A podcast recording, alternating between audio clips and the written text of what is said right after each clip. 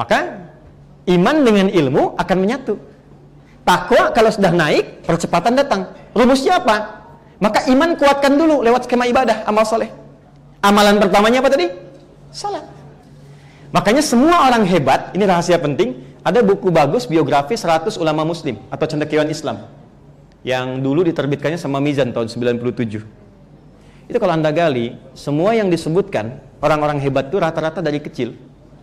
Bu, izin ya Bu ya kalau nanti ada anak-anak atau di rumah teman-teman, dari usia kecil 7 sampai 10 tahun itu latihan pertamanya sholat. Yang kedua Quran. Ibnu Sina, buka sejarahnya, biografinya. Kalau beliau lupa, itu bukan buka buku. Tapi masuk masjid, sholat dua rakaat. Dan ingat kembali. Orang sekarang ada yang lebih hebat dari Ibnu Sina. Baru takbir, ingat semua. Sampai yang nggak pengen diingat, ingat. Sampai kata Nabi, hatta la yas'ural musalli karakatan yusalli. Sampai lupa berapa rakaat dia sedang menunaikan sholatnya. Tahu Al-Bukhari? Nama aslinya bukan Al-Bukhari, nama aslinya Muhammad. Punya bapak namanya Ismail, kakeknya Ibrahim, kakek buyutnya Al-Mughirah, yang buyutnya Al-Bardizbah, tinggal kecamatan Ju'fa, Kabupaten Bukhara, Provinsi Khorasan, negara Uzbekistan. Karena dari Bukhara, beliau perkenalkan saya dari Bukhara, rumusnya tambah al di depannya, ujungnya i, maka disebut Al-Bukhari. Usia 2 tahun matanya buta, maaf ditinggal ayahnya, ayah meninggal, usia 4 tahun matanya buta.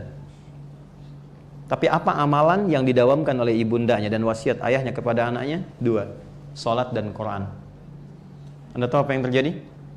Karena dekatnya dengan Allah, orang tua itu kalau dekat dengan Allah berkahnya ke anak. Nanti rahasianya surat Al-Kahf di empat kisah viral itu salah satunya dua anak yatim itu kan yang dapat keberkahan karena kesolehan bapak ibunya. Wa kana abuhuma salihah. Perhatikan, anaknya dididik solat dan Quran, ibunya konsisten bahkan punya mihrab. Rahasia kedua, kalau anda ingin dipercepat doa dikabulkan, rizkinya dimudahkan, maka punya mihrab di rumah. Gak harus satu ruangan, bagian kecil walaupun samparan sejadah. Khususkan untuk ibadah. Jangan ada yang lain di situ, ibadah saja. Dalilnya Quran surah ketiga ayat 37.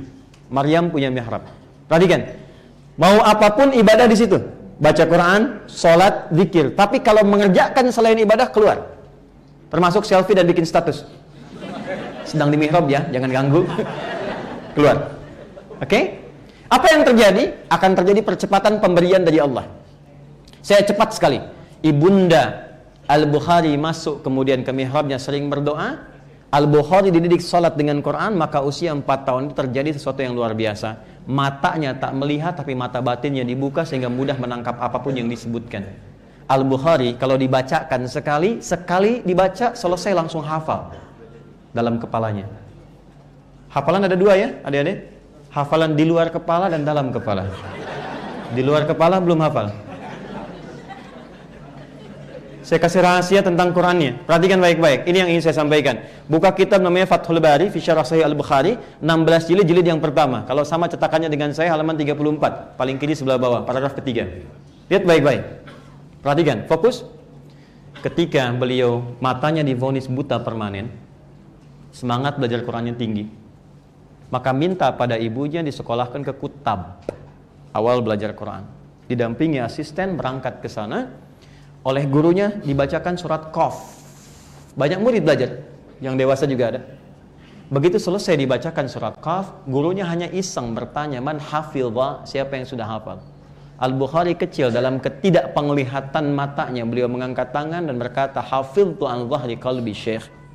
Saya sudah hafal dalam kepala saya. Gurunya penasaran dipanggil ke depan, "Ya bunayya ta'al iqra." Anakku maju baca dan dibacakan sempurna bukan hanya benar tapi spesial mahraj dan sifat hurufnya seperti syekhnya. Fata'ajjaba syaikhu faqala minal an idrusul hadis. Syekhnya kagum lalu mengatakan sejak saat ini belajarlah hadis. Senang Al-Bukhari kecil pulang ke rumah diceritakan ke ibunya, "Ummi, ummi hadatsa kadza wa kadza." Bu, tadi ada kejadian begini begini. Uridul hadis, saya pengen belajar hadis. Kata ibunya, Ya bunayya iktafi bil Quran. Nah, kamu cukupkan Quran dulu karena ada keterbatasan. Kalau sudah Quran silahkan hadis. Hormat ibunya tapi juga takzim pada syekhnya beliau katakan, saya akan belajar Quran bu, tapi izinkan saya pun ingin belajar hadis. Meraba jalan ke kamarnya, kemudian ibunya melihat itu merasakan haru masuk ke mihrabnya. Maka ibundanya sholat dan bermohon kepada Allah perhatikan kalimatnya. Rahasia Quran surah 17 ayat 110 panggil sesuai harapan-harapan dan permohonan kitanya. Kebutuhannya apa? Panggil nama Allah sesuai dengan kebutuhan kita. Beliau melihat matanya tak terbuka, dokter mengatakan mustahil, medis mengatakan nggak mungkin terjadi. Maka beliau menyebut nama Allah yang maha melihat untuk membuka penglihatan anaknya. Yal basir, ladhi ala kulli syai'in qadir, a'id basirat tabdi. Ya Allah yang maha menatap dengan tajam, yang maha kuasa atas segala sesuatu tanpa batasan, mohon kembalikan penglihatan anakku. Al-Bukharinya masuk ke kamar sedang mengulang surat Qaf. Sampailah di ayat 21, ayat 22. Mirip kalimatnya sama. Laqad kunta fi ghaflatin min hadha fakashafna anka ghita'aka fabasaruka al-yawma hadid. Padahal ayat ini tentang hari kiamat, tapi percikan keberkahannya diturunkan sebagian kemuliaannya ke bumi. Dulu pandanganmu nggak bisa lihat. Sekarang dengan keagunganku akan dibuka sekatmu itu, mulai hari ini engkau akan melihat kembali dengan tajam. Begitu sampai di ayat itu, ibunya berdoa bersamaan lelah tertidur, maka Al-Bukhari tiba-tiba bangkit, merasakan sesuatu di matanya bisa melihat kembali. Maka dikejar ibundanya. Umi, umi, umi lakukan ra'id. Ibu-ibu saya bisa melihat kembali. Berpelukan. Singkatnya, bisa melihat kembali, mulai belajar hadis dan menulis Sahih Al-Bukhari selama 16 tahun. Teman-teman, tahukah ketika menuliskan Al-Bukhari itu di mana? Dimulai di Mekah, Masjidil Haram, diakhiri di Masjid Nabawi di Madinah. Tapi setiap mau menulis hadis, sholat dulu. Dua rakaat. Kalau tenang, baru dituliskan. Tidak tenang, ditunda dulu.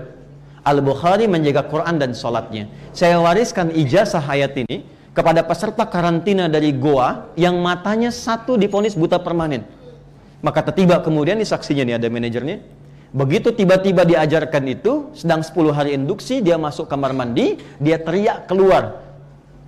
Tersenggol gayungnya jatuh, dia keluar masih pakai anduk, Allahu Akbar katanya. Tiba-tiba kenapa? Matanya bisa melihat kembali. Ini kisah nyata. Saya tidak mengarang karena langsung berinteraksi dan teralami. Jadi yang saya ingin katakan adalah bangun hubungan kuat dengan Allah dulu sebelum memulai segala hal. Itu poinnya. Makanya ada iman. Nanti kalau sudah kita bisa padukan ini, apa yang terjadi? Pindah, saya tutup. Pindah ke Quran surah kedua ayat 282, paling kiri sebelah bawah, langsung di ujungnya.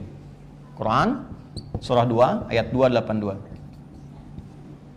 Perhatikan. Wattaqullah dan tingkatkanlah takwamu kepada Allah. Ini poinnya yang disebutkan. Takwa. Wattaqullah, tingkatkan takwamu kepada Allah wa yu'allimukumullah. Semakin tinggi tingkat takwamu, semakin aku akan buka dan ajarkan kepadamu semua ragam pengetahuan. Jadi bedanya nanti akan begini.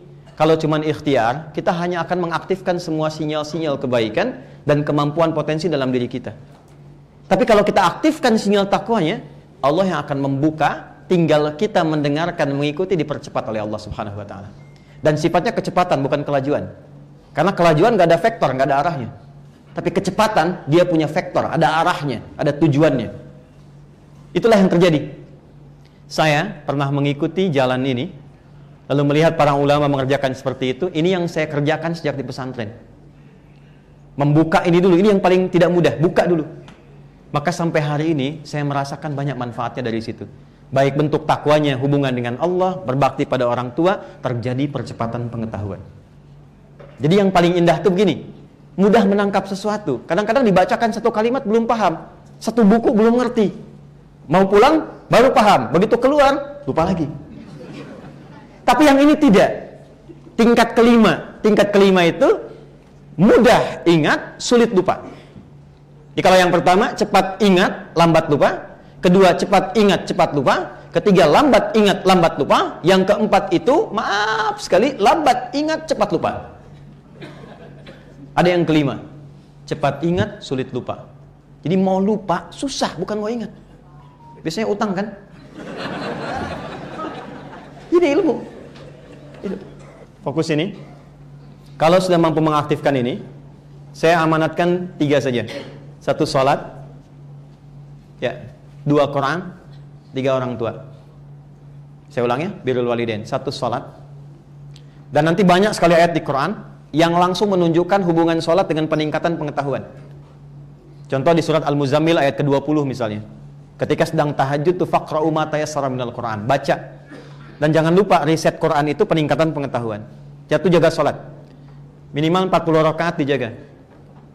Ya, bukan subuhnya naik jadi 4, duhur jadi 5, bukan. Ya. 20 rakaat itu yang fardu 17 rakaat. Jelas? Tambah yang rawatib itu 12 rakaat.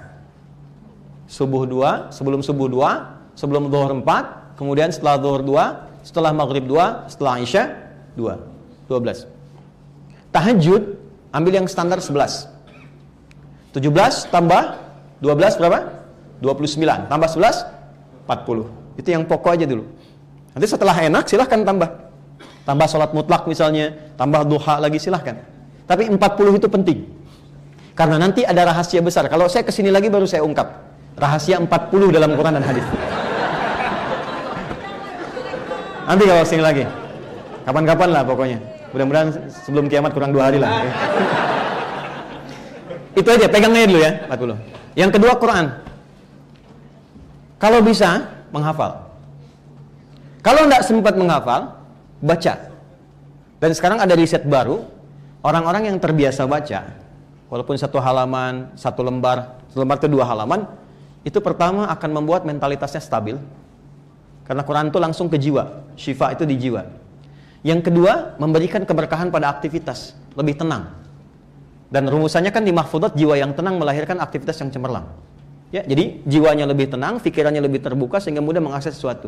Usahakan tiap hari. Kalau nggak bisa menghafal, baca Quran jangan tinggal. Tiap hari. Kalau perempuan sedang head, jadi bisa mendengar. Nggak perlu baca, kan ada moratal dan sebagainya. Ya, ya itu bisa merubah keadaan diri mental lebih stabil sehingga kayak anxious dan macam-macam insecure dan seterusnya itu bisa terobati dengan sendirinya. Yang ketiga, birrul walidain. Nah, saya nggak bisa cerita yang ketiga ini tentang pengalaman pribadi karena kalau cerita selesai dan malam nggak bisa isi pengajian. Tuh. Pokoknya ikuti aja. Yang ketiga itu niatkan belajarnya yang di sini ataupun yang mengajar Salah satunya mengalirkan pahala untuk orang tua. Itu kalau Anda dosen periset, Allah akan buka kembali untuk meningkat kembali wawasan dan peningkatan-peningkatan pengetahuannya. Kalau Anda yang sedang belajar, maka Allah akan buka jalan untuk mempercepat pembelajarannya. Apa pun itu. Nah, yang terakhir, tempatkan Quran sebagai panduan hidup. Bukan cuma kita bacaan. Ini level tertingginya. Kalau bisa melakukan ini, maka Anda akan melewati batas kepintaran manusia kini. Yang sekarang yang pintar cuma dua atau tiga bidang paling maksimal. Zaman era setelah Nabi itu minimal lima bidang. Sekarang orang paling dua atau tiga bidang. Ya Stephen Covey dikit ya.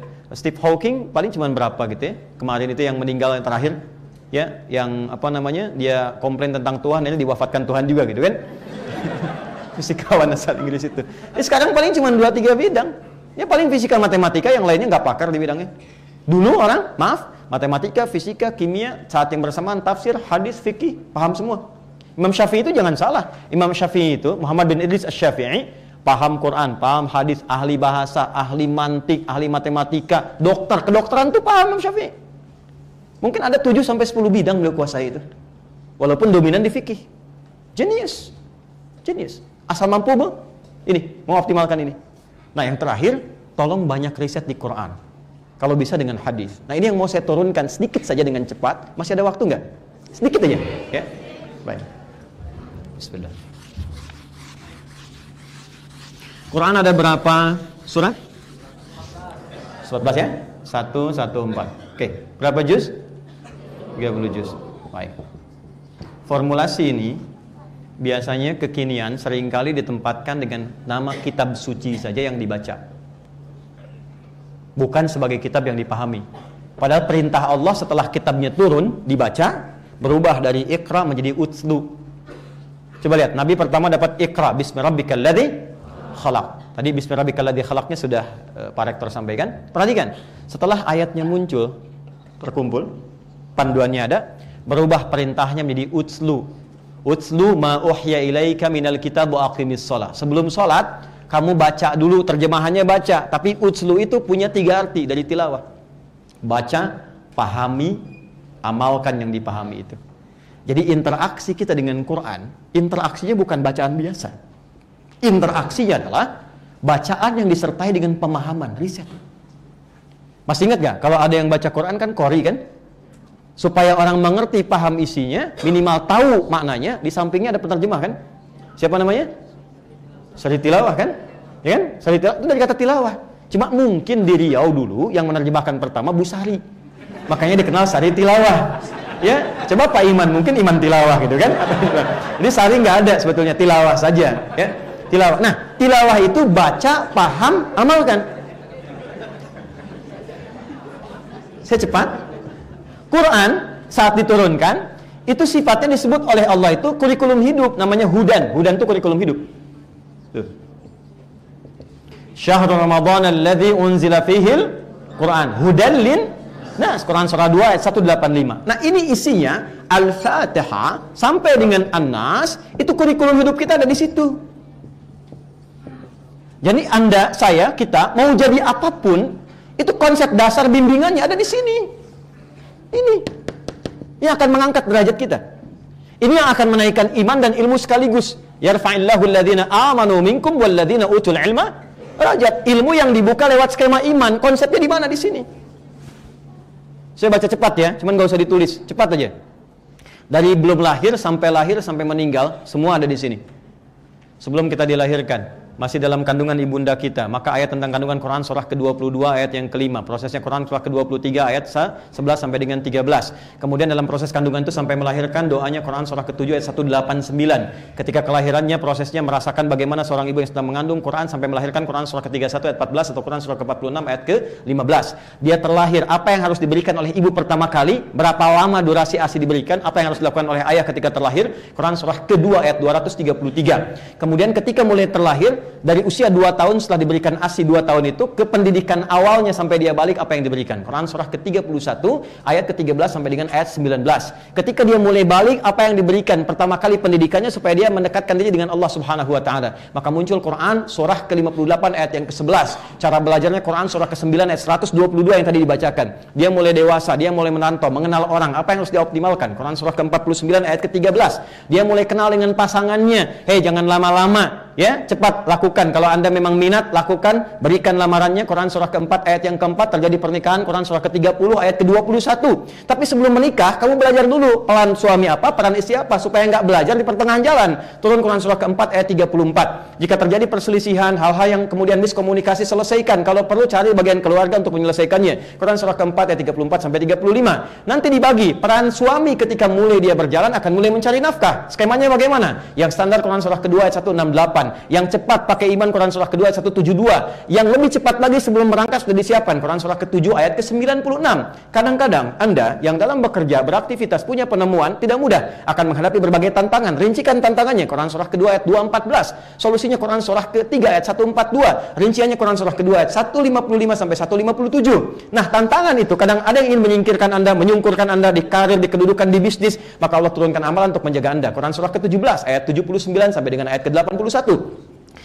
Di titik ini, jangan anggap yang di rumah seorang ibu biasa saja. Perjuangannya kadang-kadang tidak mudah. Merawat anak, kadang dia berkata, ah, apa yang harus dilakukan? Turun Quran surah ke-17, ayat 23 sampai dengan ayat 27. Anda berkembang luas, sampai karirnya bagus, usia 40 tahun sudah dapat sesuatu. Apa yang harus dilakukan? Syukuri nikmatnya, bagi dengan orang tua. Turunlah Quran surah ke-46, ayat ke-15. Dari situ kemudian apa yang harus Anda kerjakan? Lihat saudara-saudara Anda. Mungkin Anda matang, tapi Anda punya kakak, punya ibu, punya paman, anak, adik, butuh perhatian. Maka keluarkan skema infak. Quran surah kedua ayat 215. Anda naik lagi hartanya, sampai cukup nisabnya untuk berbagi di luar keluarga Anda sehingga keluar zakat, maka keluarlah Quran surah ke-9 ayat ke-107 eh, 103. Kemudian dikeluarkan ke 8 golongan Quran surah ke-9 atau ayat ke berapa? Ayat ke-60. Kemudian dari situ Anda berkembang kembali. Semakin tua, semakin tua, semakin sepuh, semakin lupa bahkan muncul masa pikunnya Quran surah ke-22 di ayat yang kelima. Dari situ jangan dikira Anda akan abadi selamanya, tidak. Boleh jadi Anda akan mendekati sifat-sifat dekat kematian, belajar tentang kematian. Turunlah Quran surah ketiga ayat 185. Kalau Anda ingin nyaman wafat, ya persiapkan diri menuju husnul khatimah. Quran surah ke-89 ayat 27 sampai dengan ayat ke-30. Ke mana setelah Anda meninggal? Pelajari supaya siap-siap. Jangan dunianya nyaman setelah meninggal gak dapatkan kenyamanan. Maka turunlah Quran surah yang kedua ayat 153 sampai 154. Rinciannya di Quran surah ketiga ayat 169 sampai dengan 172. Maka di situ ditunjukkan bagaimana kenikmatan di alam kubur. Setelah itu ke mana? Setelah itu Anda akan kembali terjadilah kiamat, turunlah kemudian satu surah surah ke-75. Setelah itu Anda akan dihisab, Anda akan menentukan mana yang ke surga, mana yang ke neraka. Lalu dari mana surga? Pelajari sebelum masuk ke situ. Surga yang mana? Persiapkan. Wal tangzur nafsu qaddamat liqat sampai ke akhirat, sampai masuk surga. Surah ke-59 ayat ke-18. Surganya yang mana? Mau yang biasa-biasa? Quran surah kedua 25. Mau yang surga Firdaus, Quran surah ke-23, ayat 1 sampai dengan ayat 9. Mau surganya surga Aden sebagai ahli Quran memuliakan orang tua, Quran surah ke-13. Ayat ke berapa? 23 sampai 24. Rinciannya Quran surah 35, ayat 30, ayat 32 sampai dengan 33. Lalu kemudian Anda ingin surganya bersama Nabi, orang-orang soleh, orang jujur, sahabat yang pernah bertugas di bumi, Quran surah ke-4. An-Nisa ayat ke-69.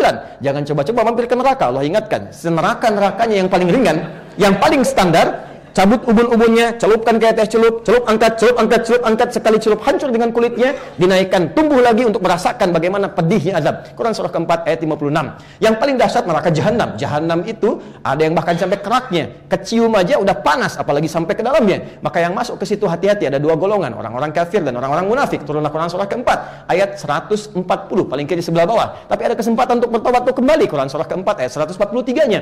Sampai di tengah-tengahnya bagaimana kalau 50 50 50 50% soleh, 50% salah. Tempatkan di tengah-tengah, bukit yang tinggi. Kelihatan surga, pengen cepat ke surga, nggak mau dengar berisik di neraka. Susah dia berpaling sehingga dia berharap rahmat Allah. Tempat tinggi yang bisa melihat semua disebut dengan A'raf. Maka turunlah surah ke-7 surah Al-A'raf ayat 45 sampai 47. Mana yang nggak ada di Quran?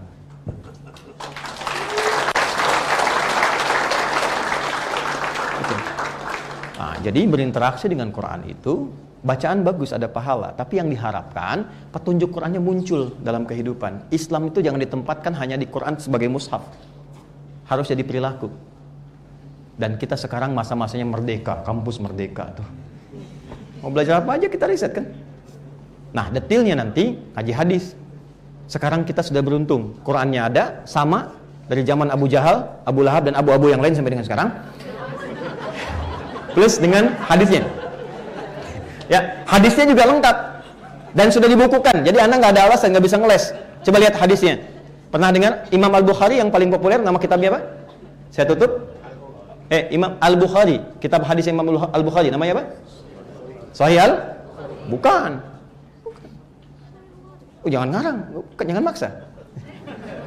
Bukan. Nama kitab Imam Al-Bukhari itu kitab hadis yang populernya namanya Al-Jami As-Sahih Al-Musnad Al-Mukhtasar min umuri Rasulullah sallallahu alaihi wasallam wa sunanihi wa ayyamihi. Itu namanya. Coba ulangi. Nah, karena kepanjangan maka disingkatlah dengan Sahih Al tapi problemnya kita tidak memaknai dengan utuh judul kitabnya. Sementara ulama menulis kitab itu esensi isinya hadis itu punya empat kualifikasi kitab. Satu jami, kedua sunan, ketiga mustad, keempat mu'jam. Jami itu artinya apa? Jami itu artinya tuntunan yang komprehensif. Beda dengan sunan. Sunan itu kitab hadis yang disusun berdasar urutan fikih. Anda kalau mau tahu cara wudhu, cara sholat, bacanya kitab sunan. Anda kalau ingin cari inspirasi, ini Sayyidah Aisyah berapa banyak hadisnya? Bagaimana ingin seperti Sayyidah Aisyah? Cari kitab musnad. Anak kalau pengen nyari hadis dari Hamzah sampai ya, cari kitabnya mu'jam. Tapi di kitab saya kata Al-Bukhari, ini adalah keseharian Nabi selama 24 jam yang bisa saya temukan. Saya susun jadi 97 topik. Nah, topik ini yang penting kita riset. Teman-teman di kampus sekarang, dosen, ilmuwan, mahasiswa, di topik mana di antara 97 itu? Udah disusun oleh beliau. Legalitas Nabi topik pertama, kitab Badul Wahyi. Tentang iman, Allah. Kitab kedua, Kitabul Iman 57 hadis. Kita ada di kitab ketiga, Kitabul Ilmi. Allah. Turunkan itu. Setelah itu, rumusannya begini. Ayat. Ayat ilmu apa? Hadis. Dalami ini praktekkan. Gimana supaya hafalan pengen cepat, nggak lupa-lupa. Kapan waktu belajar yang efektif? Kapan waktu mengulang? Bagaimana mengimplementasikan ilmu? Ada semua di sini. Termasuk percepatan yang dengan itu Allah berikan kemampuan lebih dibandingkan yang lain. Ini ada di sini. Nanti setelah dapat ilmunya Anda keluarkan jadi profesi itu. 97 ini banyak. Teman-teman yang di birokrat keluarkan kitabul imarah. Yang aktif di bisnis keluarkan kitabul buyuwa. Yang aktif di dunia perawatan, kesehatan keluarkan kitabul marid. Ada semua di sini. 97 topik. Begitulah kemudian kalau kita kembangkan relasi Al-Quran dan pengetahuan, mudah-mudahan tercipta tauhid ilmu, insan rabbani yang seimbang antara imtak dan ipteknya. Ya, dan tidak cukup dengan amin, saya kira kita harus mulai dari kampus ini untuk memberikan inspirasi ke berbagai negeri. So, I want to be commit with my commitment before I uh, going to talk to all of you. So, I want to support inshallah this campus, this college to serve any program that you need to support, inshallah, just inform us, inshallah. Uh, this, uh, please notice, eh? certification that any anything, everything that this campus need to support, is well to support, inshallah, right? Uh, the, so first, because I told to all of you about the relationship, about the Quran and knowledge, so I will support, inshallah, the easy way to memorize the Holy Quran. So we have the special method, Alhamdulillah, named by At-Taysir. At-Taysir, this special method to memorize the Holy Quran. In 30 days, 30 days contain 30 juz insyaAllah. Menghafal Quran 30 hari 30 juz. Nanti kita akan uh, supportkan, Prof izin, uh, Pak Rektor izin. Nanti gimana caranya silahkan fasilitasi. Kita siapkan tolong 2000 ya. 2000 paket, 2000 paket itu satu paketnya ada tiga buku. Jadi ada 6000 nanti yang kita kirimkan ke sini itu cara cepat menghafal Quran selama 30 hari. Ya, beberapa kampus ada UMS, kemudian juga uh, eh, UMY ya yang Muhammadiyah, terus UMJ juga itu sudah mulai mengintegrasikan antara kurikulum Quran dengan pendidikan di semua jurusan. Jadi kalau yang muslim ya silahkan uh, di sini ada yang non muslim juga. Nah, yang non muslim juga teman-teman, tolong jangan dianggap sendirian, tidak. Tapi berbagi, ya. Kita share dan tolong pengajar juga tempatkan semua sama untuk mendapatkan hak yang sama. Karena ketika masuk, kita memiliki hak dan kewajiban. Semua sama sebagai siswa dan saya mohon jangan sekedar menjadi pengajar. Jadilah murabbi, murabbiyah, pendidik. Sayangi mereka, lihat perkembangannya, lihat bukan evaluasi nilainya tapi juga akhlaknya dan saya berharap insya Allah kita menjadi memiliki ukhuwah wataniyah yang baik sehingga teman-teman yang punya teman-teman yang non muslim dan sebagainya dengan cara yang sama. Anda punya kelebihan, ajari. Anda punya kelebihan di harta, berbagi, ya. Jangan karena nanti tanya kenapa kok saya nggak diajak makan, yang lainnya ikut, kamu kafir sih, nah, nggak boleh. Haram hukumnya, oke? Okay? Right. I think that's all that I can share my uh, lecture today, and I'm very honored to be here. Thank you, Pak Rektor, for having me, and thank you for your attention. Uh, we'll see inshallah all of you in our schedule in the night. It's, I think it's open for the public eh? open for public شكرا على حسن اهتمامكم أنا فرحان جدا بأكون بين يديكم في هذا المكان الشريف فنلتقي بكم إن شاء الله في المحاضرة عامة بالليل فآخر ما أريد أن أواصل إليكم جميعا كونوا مستقيمين saya sebelum tutup saya mohon semuanya bisa istiqamah dalam nilai-nilai kebaikan konsisten dalam nilai-nilai pengetahuan yang benar dan mohon izin konsisten itu nggak mudah. Karena konsisten itu nanti ada 9 tahapan yang harus dilalui. Nanti secara detail kalau ketemu lagi kita akan terangkan tapi kisi-kisinya dari 9 tahapan ini konsis 1, konsis 2, konsis 3, konsis 4 sampai konsisten. Insyaallah ya. Terima kasih untuk perhatiannya yang sangat luar biasa. سبحانك اللهم وبحمدك نشهد ان لا اله الا انت نستغفرك ونتوب اليك واخر الكلام فضل الله فضل قريب نصر من الله فتح قريب والله موفق إلى اقوم الطريق. السلام عليكم ورحمة الله وبركاته.